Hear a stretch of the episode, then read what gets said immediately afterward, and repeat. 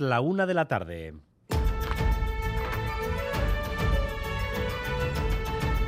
Crónica de Euskadi con Dani Álvarez. Arrachaldeón va a ser uno de los momentos más importantes del año que viene, la salida del Tour de Francia desde nuestro país. Un reto organizativo de máxima exigencia, pero sobre todo un homenaje a la afición vasca, probablemente la más fiel y colorida del mundo en este deporte. En directo desde París, en plena presentación de la carrera. Y Manuel Mantero, la Rachaldeón. a Rachaldeón Bay Basque Country, Bike Country, País Vasco, País Ciclista y la imagen del pupi del Guggenheim esa acaba de ser la carta de presentación de Euskadi en este gran acto del Tour 2023 en el que se están presentando todos los detalles del Tour del año que viene y por supuesto el Grand Depart, la gran salida en total, el arranque y tres etapas que transcurrirán por carreteras vascas. El Endacari acaba de intervenir en el acto, es un sueño cumplido, ha dicho, y dice que pretenden mostrar qué es y qué quiere ser Euskadi a través del Tour de Francia, un escaparate de 300 millones de espectadores en todo el mundo. Por lo demás, la noticia del día va a estar también en la economía, está en la economía, con otra ducha fría para quienes están, estamos hipotecados. El sándwich se aplasta un poco más porque en poco más de una hora el Banco Central Europeo va a anunciar una nueva subida de tipos de interés, sin contemplaciones.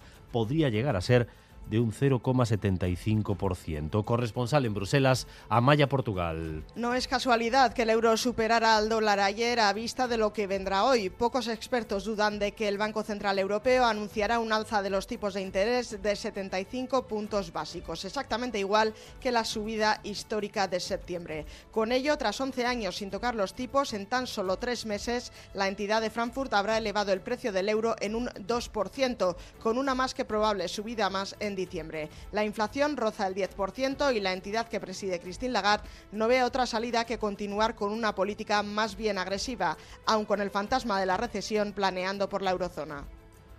Hoy día de huelga en el metal de Vizcaya están aflorando además varios movimientos empresariales de calado en el país. Destacamos dos. Siemens Gamesa quiere vender sus dos fábricas en Euskadi dentro de su proceso de reorganización. Y dos, el gobierno vasco confirma su entrada en el accionariado de ITP con un 6%. Quiere así salvaguardar el anclaje de la compañía en Vizcaya. Rodrigo Manero. Sí, el gobierno vasco va a entrar en el accionariado de ITP Aero tras meses de negociaciones con el fondo de inversión americano que controla la empresa. Ha pactado ese 6% de participación para asegurar arraigo en Euskadi y los empleos, algo que precisamente está en riesgo en empresas como Siemens Gamesa. Esta compañía ha iniciado un proceso para ajustar sus empleos y ahora estudia vender todas sus plantas productivas, incluidas, hemos sabido hoy, las de Asteasu y Munguía. Gobierno le pide que dé prioridad a posibles compradores vascos. Por cierto, por cierto, las empresas que más se están quejando por el impuesto extraordinario del gobierno de España son justamente las que más están ganando ahora mismo. Ayer cifras de Iberdrola, el Santander, hoy Repsol. 3.222 millones de euros más en los primeros nueve meses del año. ¿Ganan más o menos que antes de esta situación? Pues han acertado ustedes, un 66% más. En Madrid, días también de mucho juego político, el gobierno le ha transmitido a Euskal Herria Bildu que van a seguir negociando los presupuestos con ellos durante los próximos días, pero ahora está siendo el momento del PNV y la ministra de Hacienda confirma que se va a reunir de forma inminente la Comisión Mixta del Cupo Madrid y Sarobaza. Sí, la cita será los próximos días. Probablemente la semana que viene, Gobierno vasco y español se reunirán en la mesa mixta del concierto económico para concretar el cupo para los próximos cinco años. El objetivo es cumplir con el compromiso de renovar la ley del cupo antes de que termine el año. Recordemos que el PNV pactó renovar esta ley en iguales términos a cambio de no devolver las cuentas. En esa próxima reunión también se concertarán los nuevos impuestos a las eléctricas, a entidades bancarias y a grandes fortunas. Esta noche la Cruz Roja, en colaboración con otras ONG, se ha dedicado a elaborar el censo de la calle, el censo de las personas que no tienen hogar. En el anterior estudio se notificaron 453, una subida del 40%.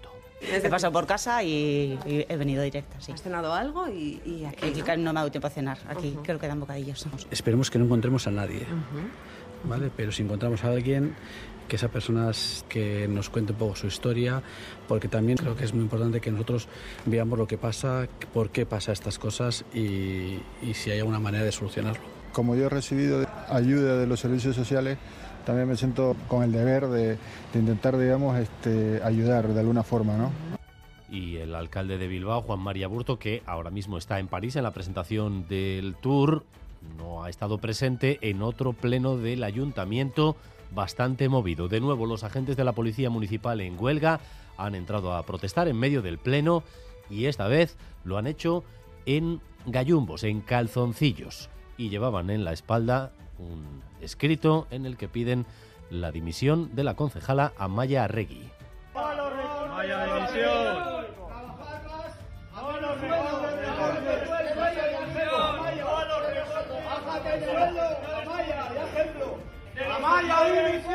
Procedan a sacarles a la calle Mercedes Calera. Calera Irten Mercedes. Pueden ir a la calle en calzoncillos con las temperaturas que tenemos, porque ya ven ustedes que estamos casi a 30 grados, pero así han entrado en el pleno, prácticamente desnudos. Pero sobre todo hoy es un día feliz en esta redacción, un día importante para la radio pública vasca, ahora justamente que lo público tiene tantos adversarios y detractores. También aquí, en Euskadi. Esta radio ha recibido uno de los premios más importantes de la radio en Europa, un Ondas por un programa de esencia precisamente de radio pública, un programa por la comprensión, la convivencia y la reinserción, un bulevar especial en las cárceles de Álava, Viz- Vizcaya y Guipúzcoa. Nos han dado un premio Ondas al Boulevard, a este programa que lleva 30 años despertándoles, acompañándoles en el desayuno, en el coche, en el trabajo. Es un orgullo para nosotros, para Radio Euskadi y para todo el grupo E EITV. Muy contentos que la experiencia había sido mejor de lo que esperaban y les dejó un muy buen saber de boca y a la plantilla también. Y creo que era, que era importante las dos cosas. Y además, Euskadiko Orquestra y EASO Abes Batzá estrenarán mañana la obra Mamu Kantak, un encargo realizado por Euskadiko Orquestra al conocido compositor británico Gary Carpenter. Se trata de una creación musical que pone su peso melódico en el coro, que estará compuesto esta vez por 60 jóvenes de, de entre 10 y 18 años. Van a ser los encargados, junto a la orquesta, de formar un panorama eh, musical con letras de poemas, entre otros, de Robert Louis Stevenson, llevadas al euskera. Escuchen a Gorka Miranda, director de EASO Abesbacha. con un estilo compositivo muy singular, que realmente los chicos están entusiasmados eh, con ello, pero sobre todo porque hemos conseguido llegar ¿no? a entender y a valorar todo esto, porque no es un repertorio habitual en el ámbito, digamos, infanto-juvenil del repertorio coral, no tiene nada que ver, yo nunca había interpretado unas obras como estas, Además, los Arctic Monkeys son los primeros cabezas de cartel anunciados para el próximo BBK Live del mes de junio y se acaba de confirmar también un concierto para el próximo mes de julio en el BEC. Iron Maiden el 22 de julio en el BEC. Y aparte del tour, lo más destacado del deporte con Álvaro Fernández Cadierno. Arrachaldeón, Álvaro. Hola Archaldeón con tres citas de alcance, todas ellas europeas, en Nicosia, Chipre, Omonia, Real Sociedad, partido de Europa League en busca de los octavos de final. Por cierto, desde allí esta mañana su presidente Joaquín Aperribay confirmaba que quiere continuar cinco años más al frente del club y en baloncesto Eurocup doble enfrentamiento Asbel Villerben y de Euskotren en Francia, debut histórico para las guipuzcoanas y Rutronic Lointe Guernica en Alemania. Nos acercamos a los 30 grados de temperatura en buena parte del país y subiendo. Cielos nubosos, pero ya saben ustedes que sin posibilidad de lluvia de momento y sin cambios a la vista porque continuamos en alerta naranja por riesgo de incendios forestales. 28 grados en Donostia y Bayona, 27 Bilbao, 25 Iruña, 23 Vitoria-Gasteiz. Gracias un día más por elegir Radio Euskadi y Radio Vitoria para informarse. Raúl González y José Ignacio Revuelta se encargan de la dirección técnica, a Itziber Bilbao de la coordinación. Crónica de Euskadi con Dani Álvarez.